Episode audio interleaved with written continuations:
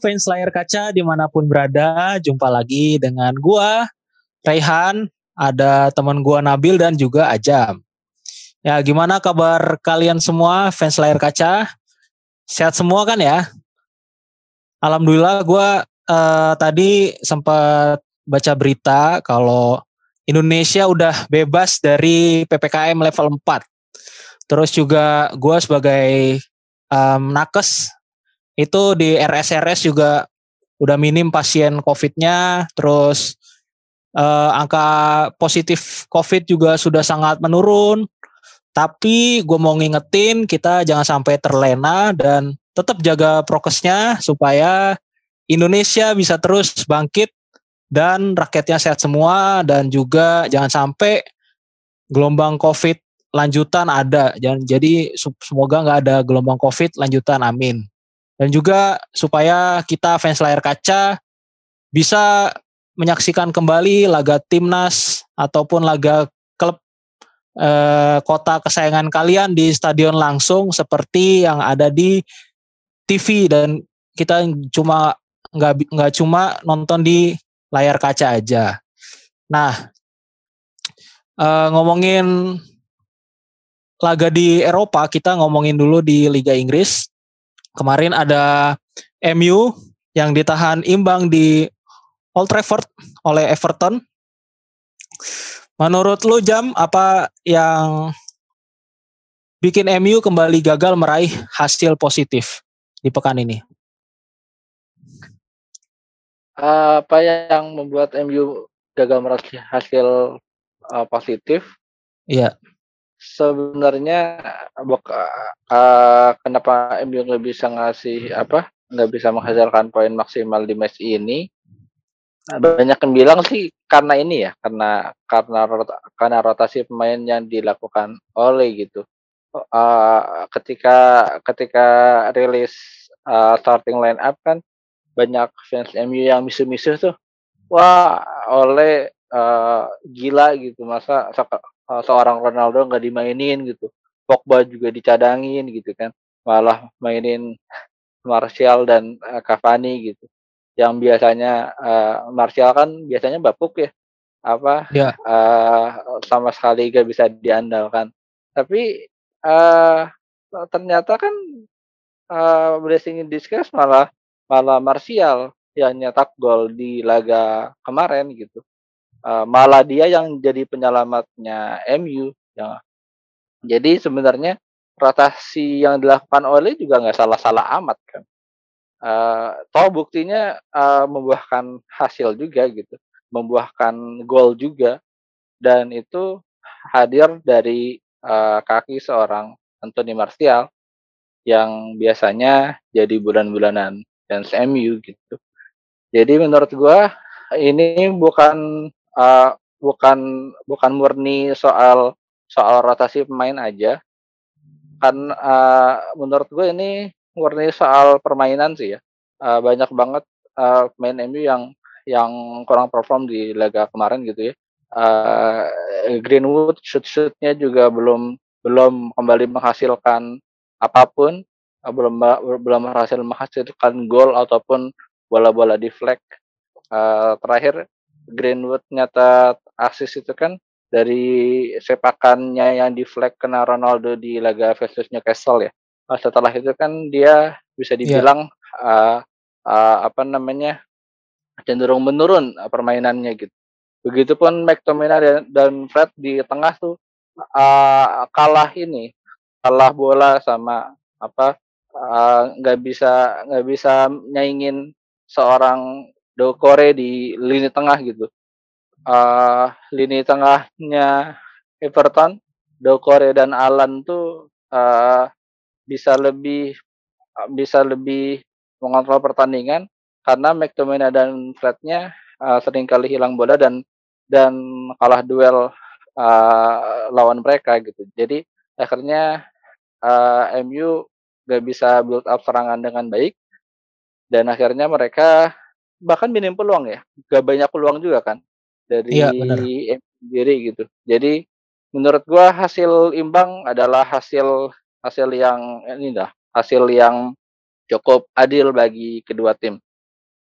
Ya beruntung sih MU uh, golnya Yerimina juga dianulir tapi uh, di luar gol itu ya hasil imbang kayaknya hasil yang cukup adil sih menurut gue jadi uh, fans MU ya jangan mengharap-harap juara lah ini lawan tim Everton terus kemarin Aston Villa aja bisa kalah bisa bisa seri gitu gimana nanti kalau lawan City lawan Liverpool gitu kan aduh bisa diobok-obok lah. Jadi ya jangan jangan berharap banyak lah fans MU. Ronaldo datang tuh nggak jadi yang bim salah bim juga gitu. Perlu proses panjang gitu. Ya mungkin salah satunya dengan ganti pelatih. ganti pelatih ya, oke. Okay. Eh jangan dong, ya. ganti, ganti pelatih dong, jangan. jangan Kenapa tuh?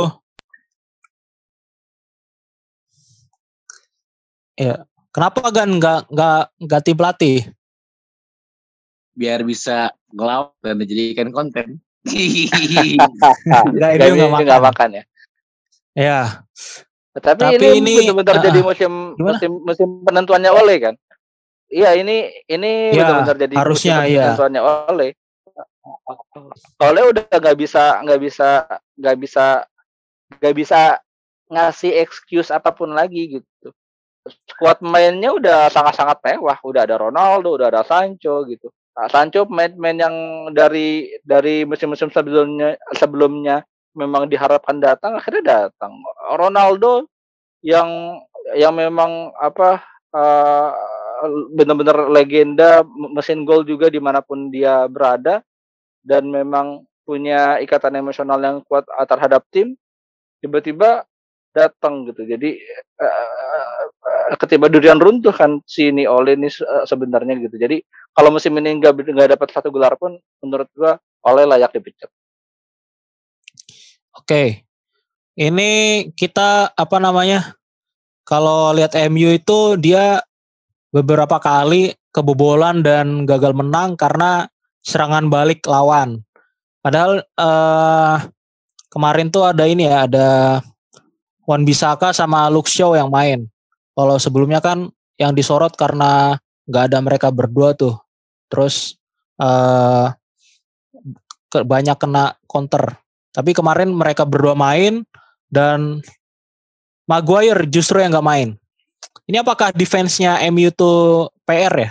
Atau kehadiran Maguire itu sangat berpengaruh kah di laga kemarin nggak ada uh, Maguire Padahal ada Varan dan sejauh gini gimana apa namanya Varan di MU? Menurut lo Bill gimana?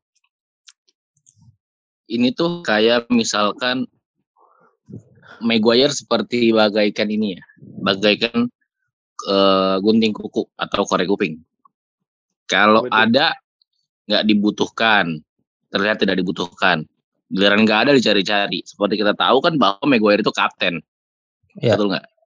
seblunder-blunder dia tapi tetap kapten yang bisa mengkoordinir lini tengah eh lini tengah lini belakang dan ke tengah kan ke depannya kan yang gue tahu adalah bahwa midfield itu adalah pertahanan pertama dan penyerangan pertama tentu dengan satu sebagai kapten dan juga back tentu bisa mengkoordinir. Kalau gue kemarin tuh golnya tuh gue pas banget pas banget buka mola pas banget nonton MU langsung kebobolan.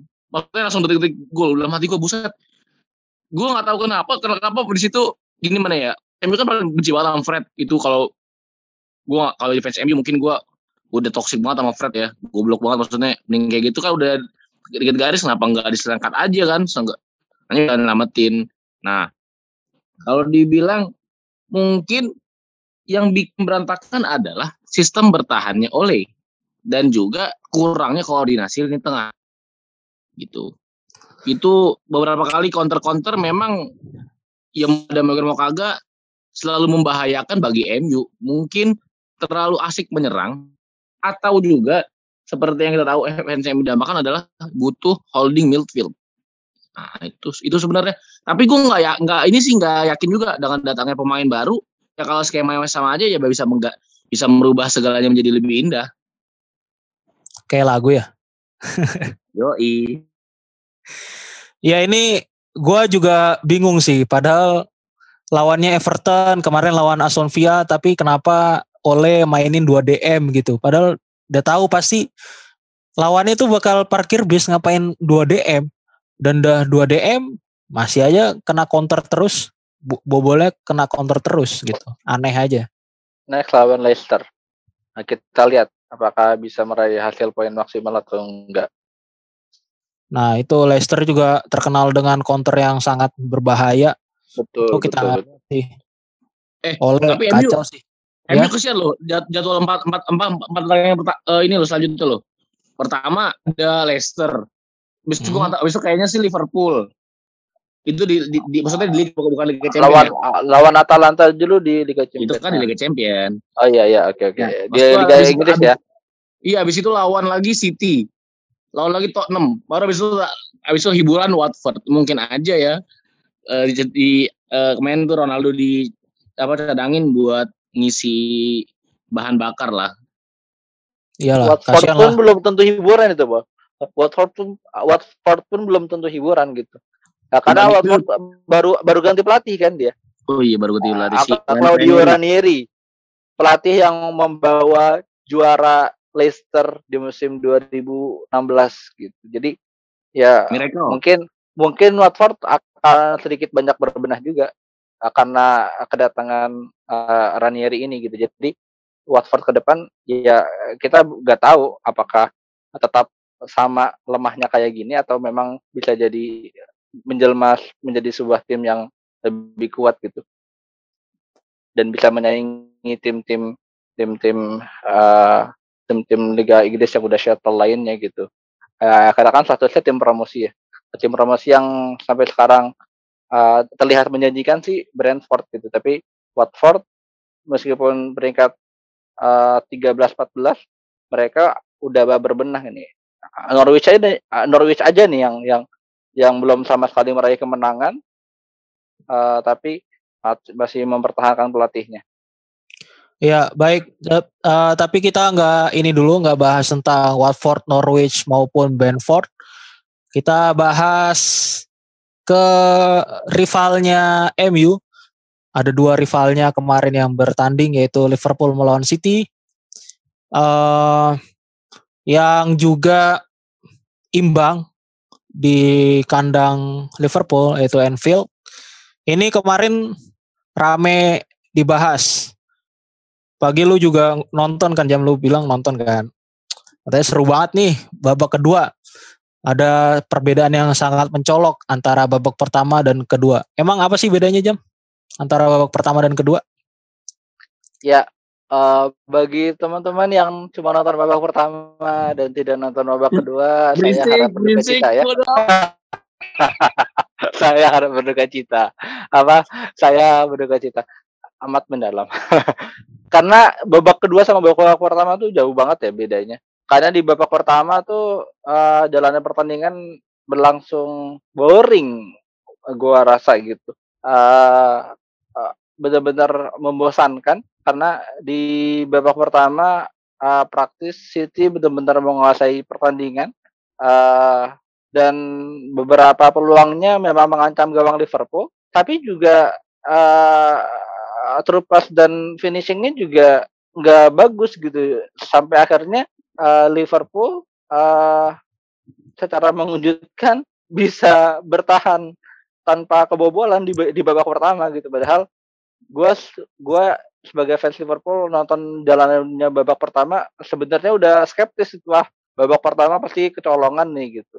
Mungkin bakal serunya di babak kedua tapi alhamdulillahnya babak pertama sama sekali belum kecolongan dan di babak kedua Liverpool permainannya jauh lebih baik gitu. Uh, permainannya lebih clinical lebih taktikal dan lebih bisa keluar dari pressingnya City gitu kita tahu City bermain dengan dengan pressing-pressing ketatnya sebagaimana uh, pekan lalu sebelumnya lawan Chelsea. Chelsea dikalahkan dengan cara yang sama. Uh, dan dan Pep apa namanya menjalankan taktik itu juga di laga ini. Uh, lewat pressing-pressing ketatnya tapi di di babak kedua Liverpool lebih bisa keluar dari pressingnya City dan uh, lebih bisa uh, apa ya keluar uh, balik menyerang juga gitu mungkin itu di babak di jeda babak pertama itu pemain-pemain Liverpool ditempeleng satu persatu sama klub gitu ya. Jadi permainannya jauh jauh lebih membaik di babak kedua sampai akhirnya uh, Liverpool meskipun bisa keluar dari pressing-pressing ketatnya City dan bisa lebih mengambil inisiatif serangan tapi menurut gua apa tapi kita lihat di babak kedua juga nggak banyak nggak banyak peluang kan sebenarnya gitu.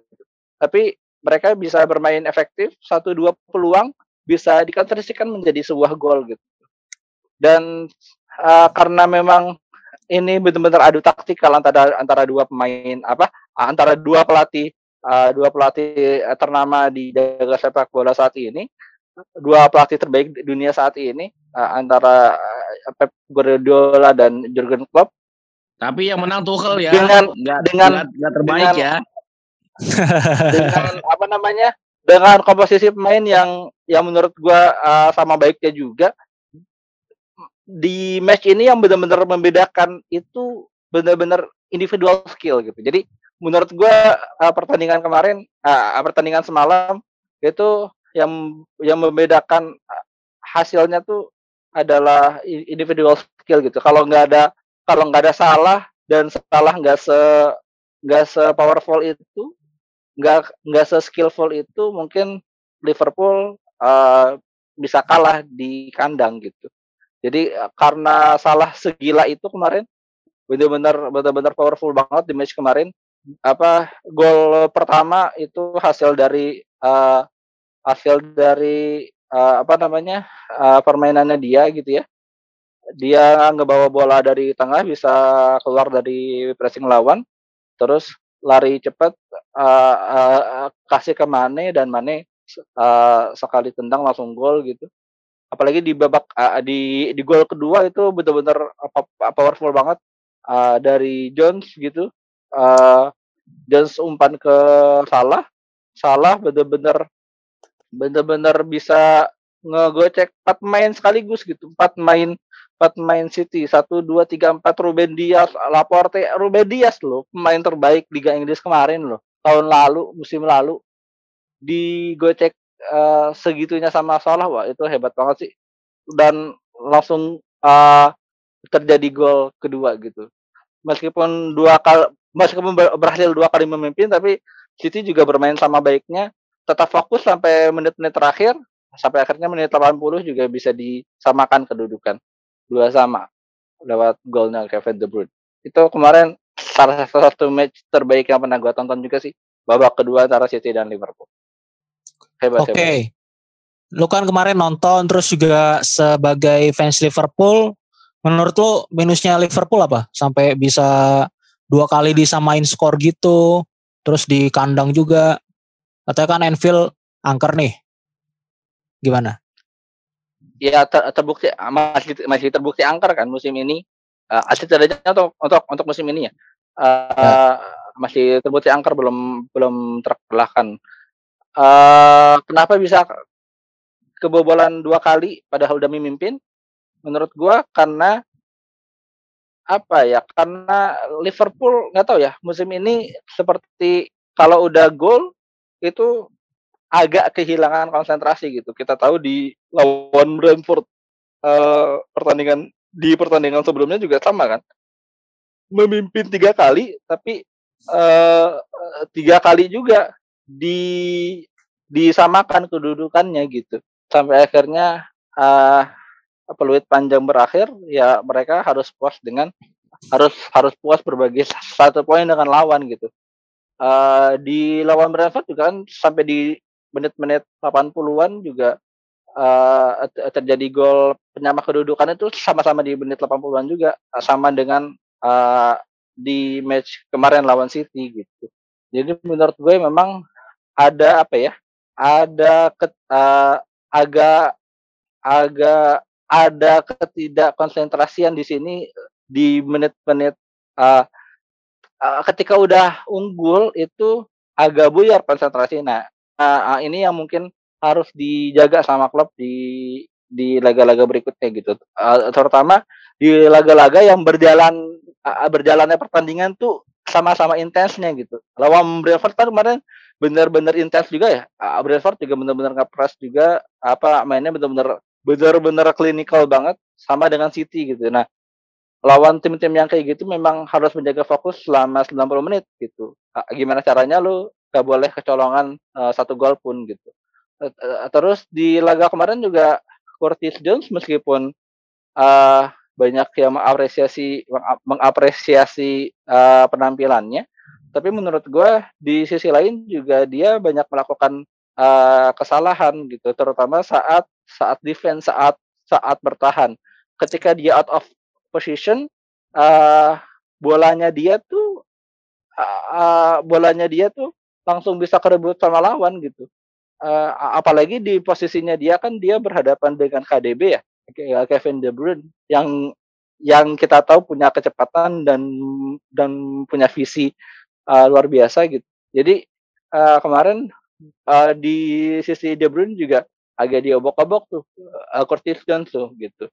Uh, selain juga absennya Arnold membuat James Milner lah yang diturunkan di mana James Milner kurang punya kecepatan dan power uh, ketimbang Alexander Arnold gitu. Jadi di di sisi kanan uh, pertahanan Liverpool kemarin juga benar-benar diobok-obok sama uh, Phil Foden gitu benar-benar dirapatkan sama Phil Foden yang akhirnya juga bisa uh, bisa ngejebolin juga kan gol pertamanya City juga dari lewat kaki Phil Foden gitu di mana Milner nggak bisa jaga ketat dia dan dan akhirnya Phil Foden bisa bisa lolos dan akhirnya nyetak gol gitu itu sih ya. menurut gue kelemahan okay. Liverpool di match kemarin Oke, ini gue sekarang mau nanya Nabil.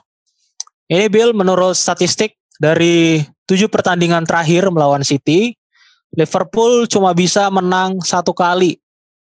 Sisanya kalau nggak imbang ya kalah.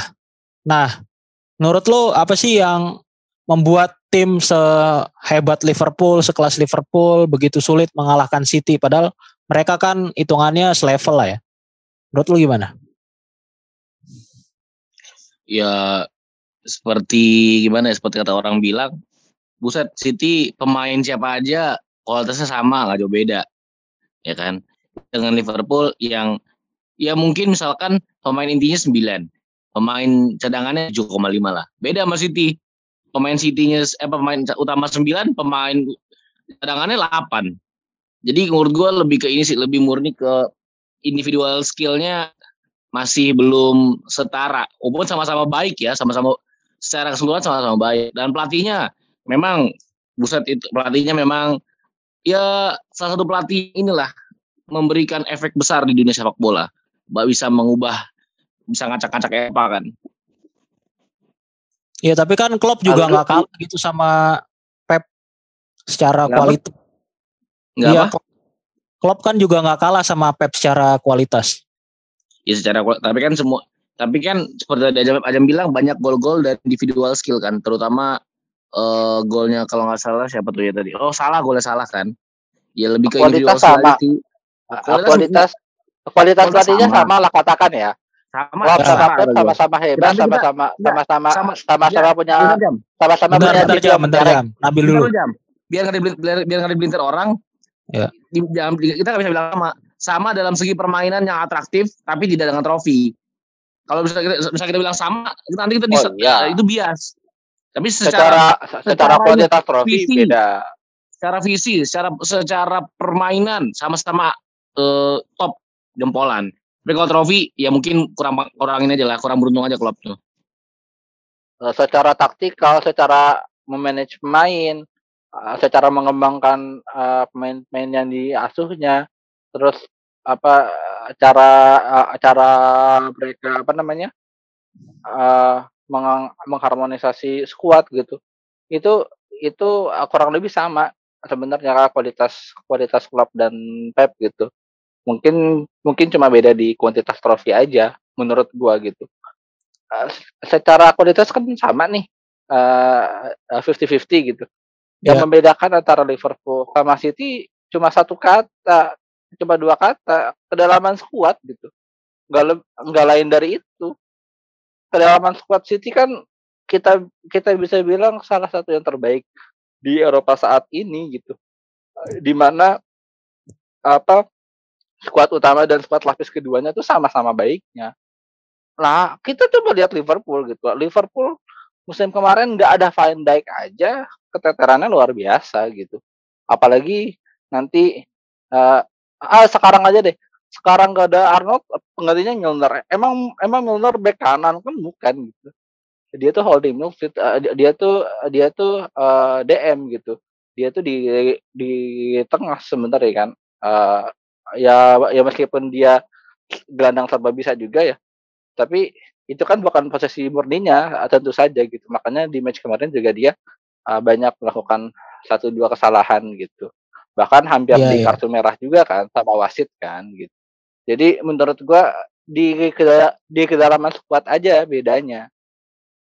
Ya yeah. kalau memang kedalaman squad Liverpool bisa sama baiknya mungkin uh, yang terjadi juga berbeda gitu mungkin Liverpool juga uh, bisa bisa mengimbangi City dalam hal jumlah apa dalam dalam hal head to head.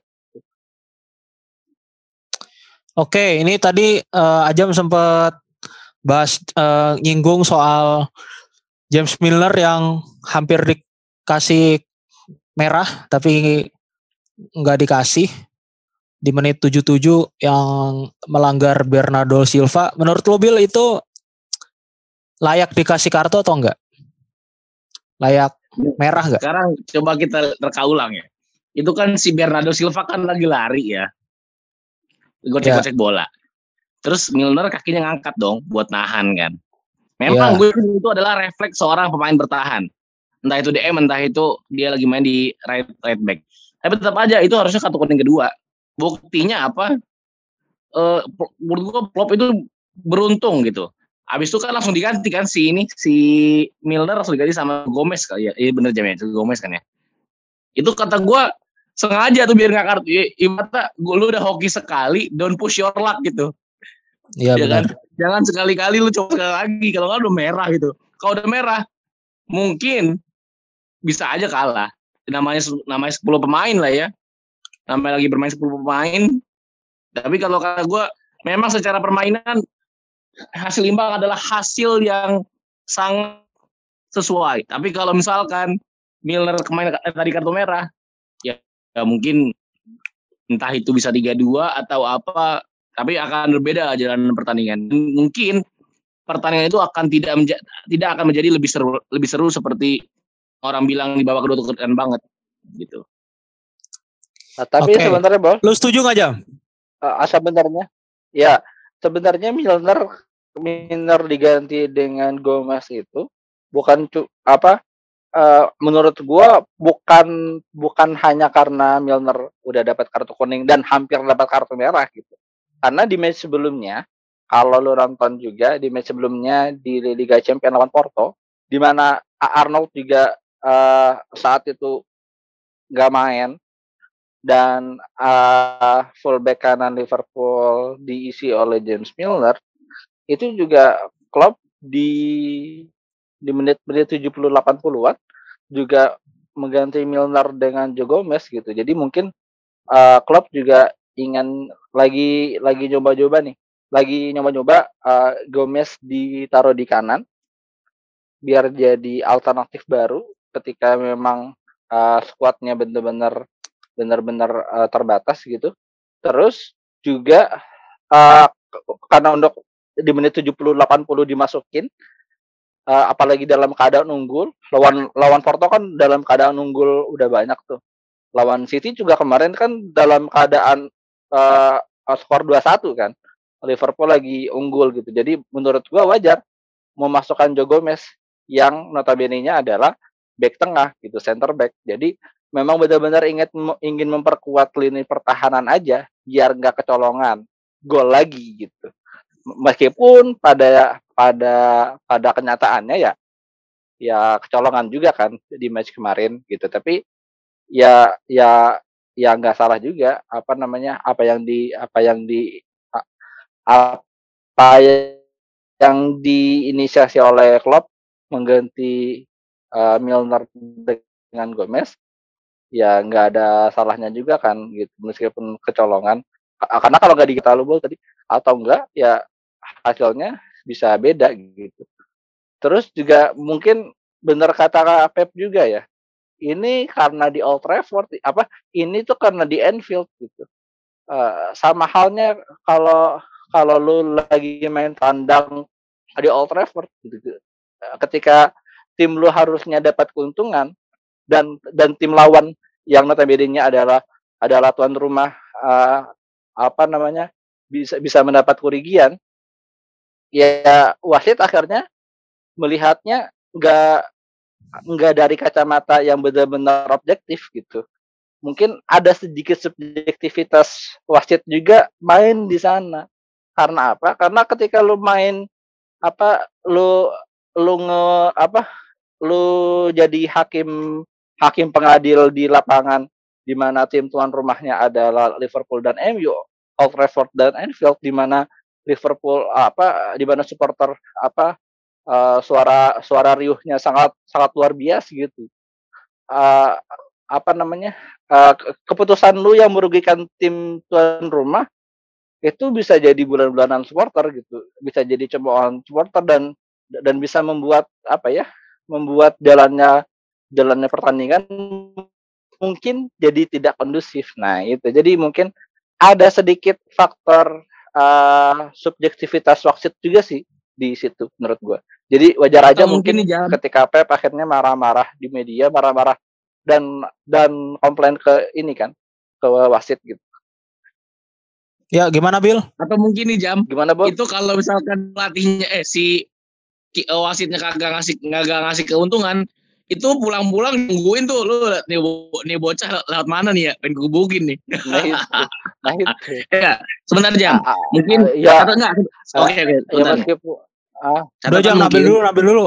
Mungkin aja dulu, dulu. mungkin aja ya. nih. Milner memang kan namanya udah tuwir kan mungkin hanya bisa bermain sekitar 70 menitan. Gue nggak tahu ya apa kebugaran Milner itu seperti apa.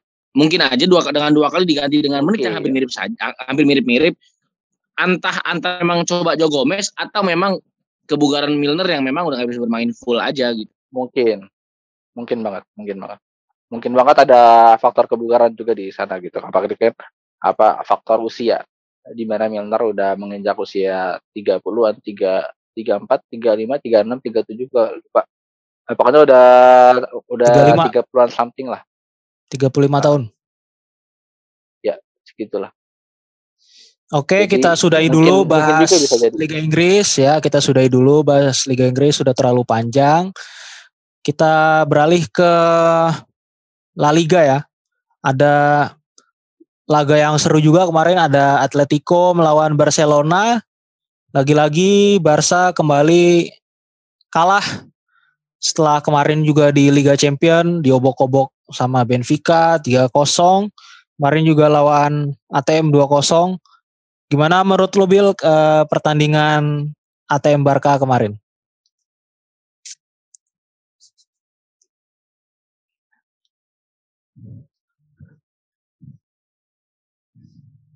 Bill? Ya. Sorry, sorry, sorry, sorry, sorry. Ya.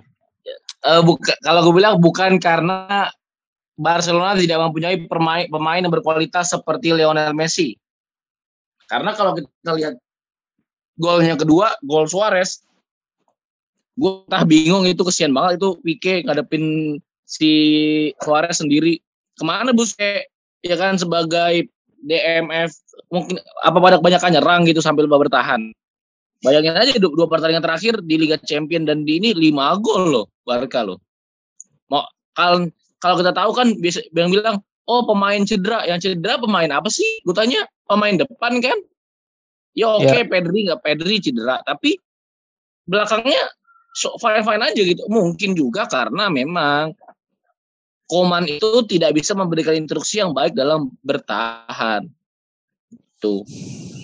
Bayangin aja, Suarez, Suarez tuh 11-12 lah sama Karim Benzema tuh, lu kasih setengah peluang golin. Saya setengah peluang golin. Terus dibiarin bebas. Ya udah, mati aja lu. Nggak ada harapan.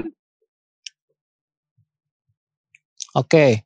Ini juga kemarin ada momen menarik di mana setelah gol pertama itu ada Pique dan Busquets juga adu mulut Uh, apakah ini bukti memang kurangnya koordinasi antara pemain Barcelona jam? Ya, menurut gue memang uh, persoalan problematika di Barcelona ini benar-benar udah kompleks ya. Dari dari mulai dari mulai faktor psikis di mana mereka harus kehilangan salah satu pemain yang paling penting dalam satu dekade terakhir Lionel Messi gitu. Terus uh, uh, terus lini pertahanan mereka juga lagi ancur-ancurnya pemain-pemain senior juga lagi lagi nggak kompak gitu belum juga uh, uh, di mana mereka belum bisa menemukan uh, pattern yang cocok dalam hal menyerang gitu. Uh, karena kan dalam hal penyerangan kan juga mereka lagi mandul-mandulnya ya. Luke De Jong yang yang yang udah di ya yang yang baru masuk kemarin juga yang diharapkan jadi mesin gol juga nggak nggak bisa belum bisa berbuat banyak gitu. Jam jam, bentar jam. Uh, gue nggak setuju sama lu bilang Luke De Jong jadi mesin gol. Gue cuma bilang, gue menurut gue itu cuma opsi aja, opsi biar bisa main crossing. Lu bisa apa Luke De Jong? Sama. Iya, setidaknya diharapkan bisa nyetak gol toh. Iya, iya, tapi bukan mesin. mesin ya, sejak udah. kapan? Bukan mesin. Opsi lah. kapan Luke De Jong jadi top skor di liga? sejak kapan? Iya, iya, tapi kan tapi kan bisa bisa ngasih pembeda atau apa di beberapa laga penting Sevilla tuh Luke De Jong yeah. golin gitu. Ya opsi opsi opsi. Iya jadi salah satu opsi lini serang. Mesin gol Barca bisa jadi dong. Apa maksudnya? Ya siapa siapa penyerang Barca yang sekarang bisa diharapkan jadi lumbung gol kan nggak ada juga kan. Jadi siapa tahu memang memang memang di di apa namanya di signingnya Luke De Jong ini ya untuk jadi salah satu salah satu penyerang yang bisa ngasih gol banyak ke Barca gitu. Intinya mereka belum bisa belum bisa nemuin patternnya cocok dalam hal menyerang sehingga lini depan mereka juga mandul. Bahkan apa ya kita tahu di laga sebelumnya apa Pique Pique tiba-tiba disuruh maju gitu jadi seorang striker yang notabene adalah back, back tengah. Terus juga kemarin Frankie De Jong disuruh nyerang, disuruh lari. Gue lihat videonya tuh di mana di mana Frankie De Jong dikasih terupas uh, ke depan dan dia sama sekali nggak bisa ngambil itu gitu karena dia apa fungsi dia tipikal bermainnya dia memang bukan seorang goal getter gitu jadi ketika dikasih bola empuk pun belum bisa memanfaatkannya gitu. Uh, apalagi dalam hal speed kan juga Frankie De Jong uh, masih dipertanyakan gitu. Jadi menurut gua benar-benar benar-benar uh, Barcelona benar-benar uh, the whole team benar-benar apa ya perlu banyak perubahan lah dari segala sisi dari segala lini gitu Eh, termasuk juga soal pelatih mungkin gitu karena banyak yang bilang kegagalan Barca musim ini juga nggak lepas dari peran pelan dari peran seorang Ronald Koeman gitu. Jadi menurut gua aduh banyak banget lah kompleks banget lah masalah Barca ini. Nggak bisa dibenahin dalam sekejap gitu. Mungkin Barca baru bisa balik ke top performnya mungkin 2-3 tahun mendatang gitu. Jadi kalaupun pelatih pelatih siapa pun itu masuk di di pertengahan musim ini menggantikan seorang Ronald Koeman, menurut gua nggak bisa langsung bim salabin kayak seorang Tuchel di Chelsea gitu. Jadi menurut gua ini perlu proses panjang sih, nggak cuma setahun dua tahun. Seenggaknya jam. Nah, nah, nah. Seenggaknya kalau misalkan pelatih baru datang masuk di Barca, seenggaknya dapat inilah, dapat benefit of the doubt aja seenggaknya uh, apa fans tuh bisa berapa berapa lega dulu lah bisa sementara. punya harapan baru nah, bisa punya harapan baru lah betul oke ini kemarin juga ada uh, mantan bintangnya Barcelona yaitu Luis Suarez yang kemarin jadi bintang di laga tersebut uh, gol pertama itu lahir dari asisnya dia Terus juga gol kedua dianya langsung yang mencetak gol. Ini menurut lu Bill Kuman nyesel gak nih? Dia kan sambil selebrasinya itu ya, kayak nelpon-nelpon gitu. Gimana Bill? Gue nggak tahu apa alasan Kuman. Ah, selebrasi sarkas itu. Betul betul. Iya, Nyindir makanya. banget. Gue nggak tahu alasan Kuman itu membuang Suarez apa. Terus dia beli Luke De Jong yang sama-sama akhir. Goblok. Astagfirullahaladzim. Tapi gue nggak tahu ya alasannya apa di belakang itu. Tapi kalau misalkan dalam segi teknis, kita kan hanya tahu teknis di lapangan ya. Itu suatu blunder terbesar Kuman. Tapi kalau misalkan ada hal di non teknis, ah gue nggak tahu. Tapi kalau dalam segi teknis, Kuman salah besar.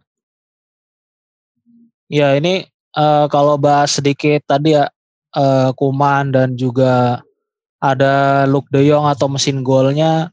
Sebenarnya Barca sebelum Griezmann ditukar oleh Luke De Jong itu lumayan loh. Dia laga-laga awalnya bisa nyetak 4 gol dan konsisten menang. Habis itu Luke Jong masuk, Griezmann out. Itu kacau sih. Apa namanya? Barca perlahan-lahan nggak perlahan malah langsung nyungsep udah kalah-kalah terus dah sampai sekarang dan sangat-sangat tidak konsisten Barca gitu tapi kita sudahi dulu bahas Barcelonanya kasihan semoga fans Barca sehat selalu ya Bisa tabah. Nah, sama Juga kayak fans ini- Real Madrid. fans Real Madrid juga. juga eh Lagi di gua kan? ya Sebentar, aman-aman di gua Sebentar, Ya. Mr. Host, Bapak Host, eh Bapak Host yang Ya, ya. terhormat. Ya, saya mau gimana? nanya, Ya. itu gimana caranya ya bagi tempat bareng-bareng di, di Goa sama fans Barca? Gue pengen tahu aja nih seminggu kayaknya akur banget nih di Goa. Ah, Tanya balik dong. Cuy, cuy. Tanya balik dong. eh Gimana Eh. caranya bagi tempat di gua sama fans MU pekan kemarin? Tanya balik nah dong, Cok. bener Rivalitas Antum dua kali rivalitas masuk MU Goa sama kemarin. Chelsea, Eh, Ya. rivalitas MU sama Chelsea nggak sebesar MU ke Liverpool atau Tottenham ke Arsenal. Barca sama Madrid kan nggak cuma dari segi bola, politik juga. Nah, gue pengen tanya nih gimana gimana caranya nih susah banget tahu tuh. Ya kebetulan eh, Madrid klub kaya ya, jadi bisa punya gua sendiri. Waduh, waduh. Waduh. Jadi kalau. Barca goanya di Katalunya, kami goanya Ya. di Spanyol. Ya. Jangan-jangan jangan-jangan stadion barunya di bawahnya ada goanya tuh. Nah itu rahasia pabrik ya, rahasia perusahaan. hasil- Jangan Hasil renovasi. tidak boleh. Renovasi. Iya itu rahasia perusahaan, tidak boleh kami bongkar. Oke. Waduh.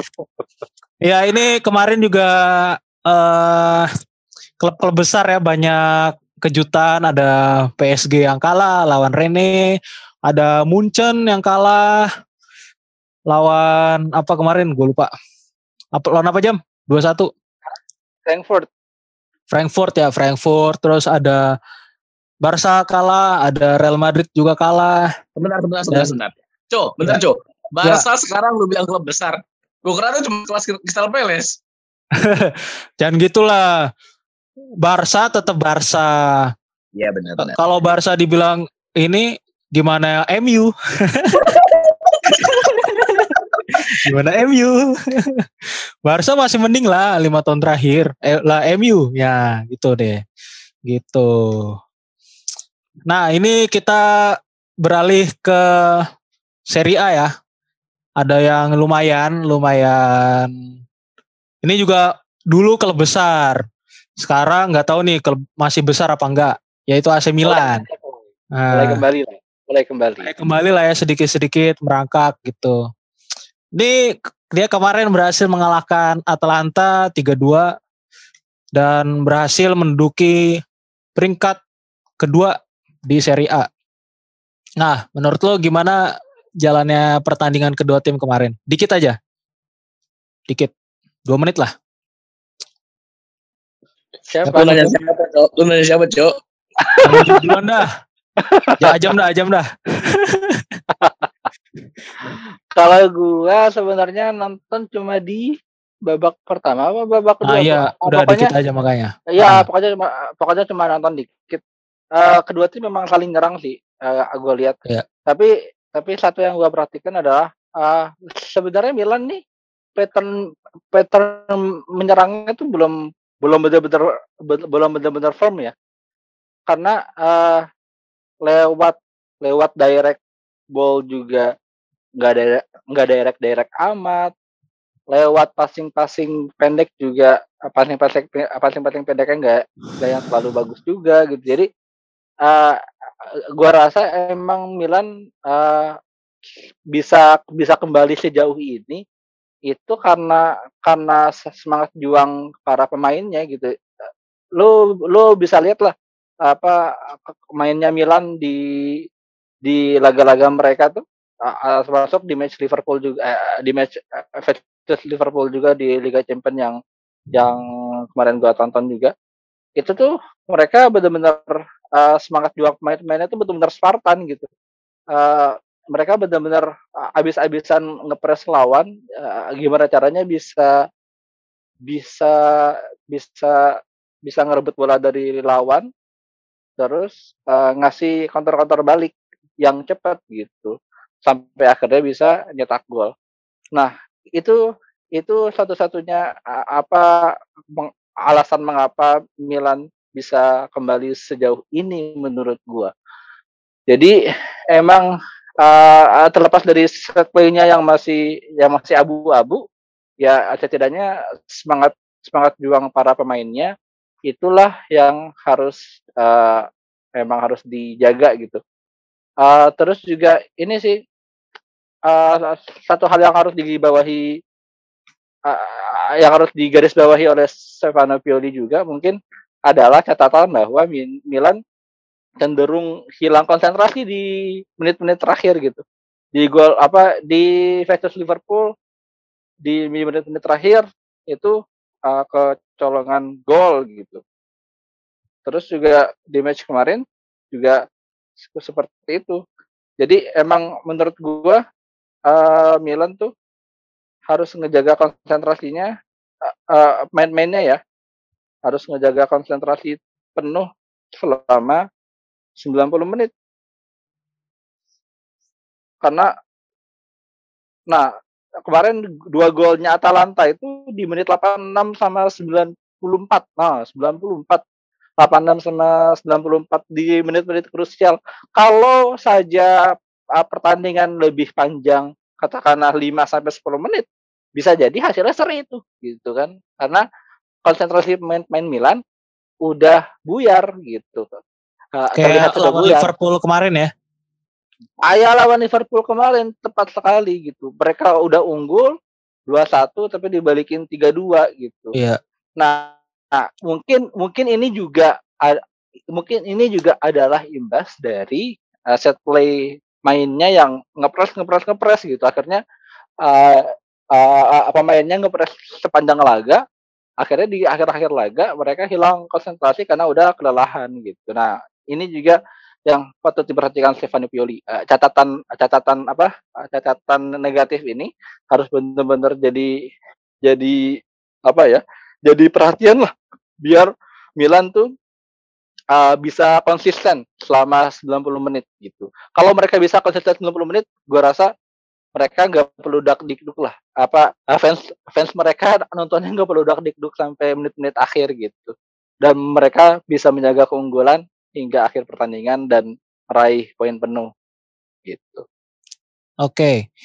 Ini kemarin ada nama Sandro Tonali yang menjadi salah satu bintang kemenangannya AC Milan dan juga menjadi man of the match di laga AC Milan melawan Atalanta kemarin. Nah, menurut lu Bill, apakah Do ini bisa menjadi pemain hebat ke depannya? Kan juga kalau kita kalau kita tahu dia juga disebutnya ini ya titisan Andrea Pirlo. Dia menurut lu bisa jadi pemain hebat gak ke depannya di usia yang masih 21 tahun ini? Gue asoy aja nih asoy ya analisa sotoy gue beberapa tahun terakhir pembelian Milan tuh agak kurang bagus lah ya kan tapi akhir-akhir ini Tonali yang dibeli dari kalau nggak salah dibeli dari seri, dari seri B ya tuh ya musim lalu ya dibeli, dibeli dari seri B lalu juga ada Menyong tuh yang bagus banget mainnya dan bisa menggantikan peran Donnarumma dan tidak membi dan tidak membuat fans Milan tuh ketar-ketir ketika di tanggal Roma dan Tonali benar-benar. Dan juga dia bermain dengan hati. Gila loh, dia kan fans Milan juga tuh kan, makanya dia senang banget Iya. Milan. Akhirnya dia mampu gila performanya bagus banget gue bilang 89% akurasi passingnya. Kalau gue bilang kalau misalkan nih Tonali lebih apa namanya lebih bisa ko- konsisten lah ya kan umur biasa muda kan kurang berapa konsisten masih apa tandanya besar ya semoga Iya. Tonali ini kata gua benar-benar konsisten mainnya dan bisa menjadi the next Pirlo lah di Milan dan gue berharap, berharap Milan dengan misal- misalnya gini sorry sorry kalau misalkan Tonali itu bisa bermain apik terus dan juga Milan bisa bermain dengan militan dan juga tetap konsentrasi hingga menit akhir. Kalau kata gua empat besar merem sih Milan tuh. Empat besar bukan Scudetto. Kalau Scudetto kan lihatnya Napoli belum terkalahkan sekarang kan. Inter ditinggal Conte, Lukaku dan kawan-kawan masih bisa stabil. Masih agak berat lah persaingannya tuh. Enggak segampang bu, apa Munchen di Bundesliga. ya ya itulah beda ya. Oke. Baik eh mungkin pembahasan Tonali tadi menjadi akhir dari pembahasan kita di pekan ini. Gak bahas Madrid ini. Gak bahas Madrid ini. Waduh. Madrid kalah ya dibahas ini. Maaf, Aduh. Saya hostnya saya tidak mau membahas. Madrid karena ini durasi juga sudah bisa-bisa panjangnya aja udah nggak 50 bahas menit. Madrid coba. mohon Waduh. bersabar dulu. Ya, sekali. kemarin Madrid menang-menang Kenapa Madrid bisa kalah. gua gitu. mau request Madrid nggak disetujuin. Ini Madrid kalah mau dibahas. Antum Justru memang. tim besar kalah itu yang dibahas. Ya kan? Ya udahlah. Kalau tim besar menang kan udah biasa gitu. Ya tim nanti kalah match, itu yang dibahas. match PSG selanjutnya. kalah kemarin lawan Rene. Terus apa? Munchen kalah. Ya, La- Munchen kalah sama sama Frankfurt. Kemarin juga ada satu tim besar lagi kalah. iya kan sudah Ini, saya singgung timnya. tadi, Bapak Ajax, Ajax kalah sama siapa? Utrecht. FC Utrecht. Waduh, Utrecht. hebat. Iya. Iya betul. Sebenarnya kalau- itu juga seru itu dibahas. Iya, sebenarnya kalau durasinya masih ada, kan gue juga udah bilang tadi di grup. Kalau ada durasi, saya masukin. Ini sudah melebihi, ya. siap mas. Jujur, siap mas. Baik, oke. Ya. Jujur nih, Cok. Gue pengen nanya lu Ah. jujur nih. Lu Gimana? merasa lega nggak kalau misalkan Madrid Madrid gak dibully di sini? Nggak dibully di sini tapi dibully di sosial media sama aja. Bu. Oh enggak, Madrid bisa dilihat lah. Yang dibully siapa? Barca. Yang dibully siapa? MU. Jadi Madrid aman. Dan juga untuk fans Madrid, fans Barca, kalian tolong jangan berharap lebih untuk musim ini. Kita harus banyak-banyak bersabar. Jadilah orang-orang sobirin. Ah sekarang fans Madrid, Ya. fans Barca bergandengan tangan lah, akur lah akur, karena sama-sama lagi Ha- di. harus akur dong. Ah, Presidennya aja akur mau bikin ini PSL. Waduh. Gue mau ngutip gue mau mengutip quotes dari Bang Bes. Percaya proses dan percaya prokes. Percaya proses Iya. akan regenerasi dan percaya prokes ya. Soalnya kan di Goa tuh takutnya sampai sempitan kan. Waduh. Oh ini cerita pengalaman di gua kemarin. Iya nggak Oh, apa-apa. Sa- serang terus. Ah, mantap nggak pernah di Goa mah mantap. Yang pernah di Eh, Goa mah tepuk tangan aja lah. antum jangan sombong dulu ya fans Liverpool. Eh, kita tunggu kekalahan Liverpool musim ini. Oke. Amin ya Allah. Apalagi Januari Piala Afrika itu sangat kita tunggu. Tidak ada salah Mane. Eh, Keita juga ya kalau nggak salah ya. Keita. Ya pokoknya itulah. Iya, dan nanti nggak ada salah mana tiba-tiba eh, apa tiba-tiba datang Mbappe gitu. Mbappe. Mbappe. Ya. Tiba- Tiba-tiba Ya. datang Haaland gitu kan nggak apa-apa. nggak Alan apa-apa, lagi Mbappe. Ya. Tiba-tiba ada Siapa tahu loh. Eh, Liverpool su- suka bikin kejutan loh. kejutan kejut itu aja belinya bisanya Minamino mau Tiba-tiba tiba-tiba datengin Fabinho kan. Eh, jual tiba-tiba dulu tuh Thiago, salah kan? Mane baru datengin Mbappe gitu Ya apa salahnya berharap Hmm. lah, nggak apa-apa lah. Terus juga gajinya ya elah. Setidaknya, setidaknya kita hidup masih punya harapan gitu loh. Nah, Setidaknya Iya. kita hidup terus. masih, masih punya harapan loh. Gak apa-apa lah. Berharap apa sih salahnya? Gak ada salahnya lah.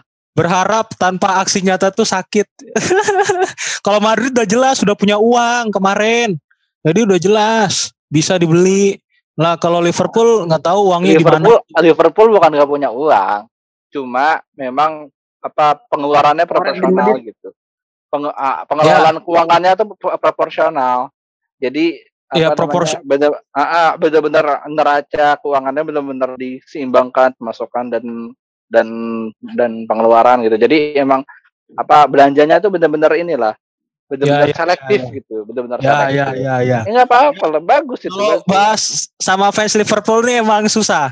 Mereka boros, nggak boros. mereka sangat-sangat dari inilah dari satu daripada contohnya boros, daripada boros tapi nggak jadi apa-apa kan sayang kan ya ya udah pokoknya intinya itu pembahasan kita di pekan ini. Kalau kita terusin nggak bisa habis.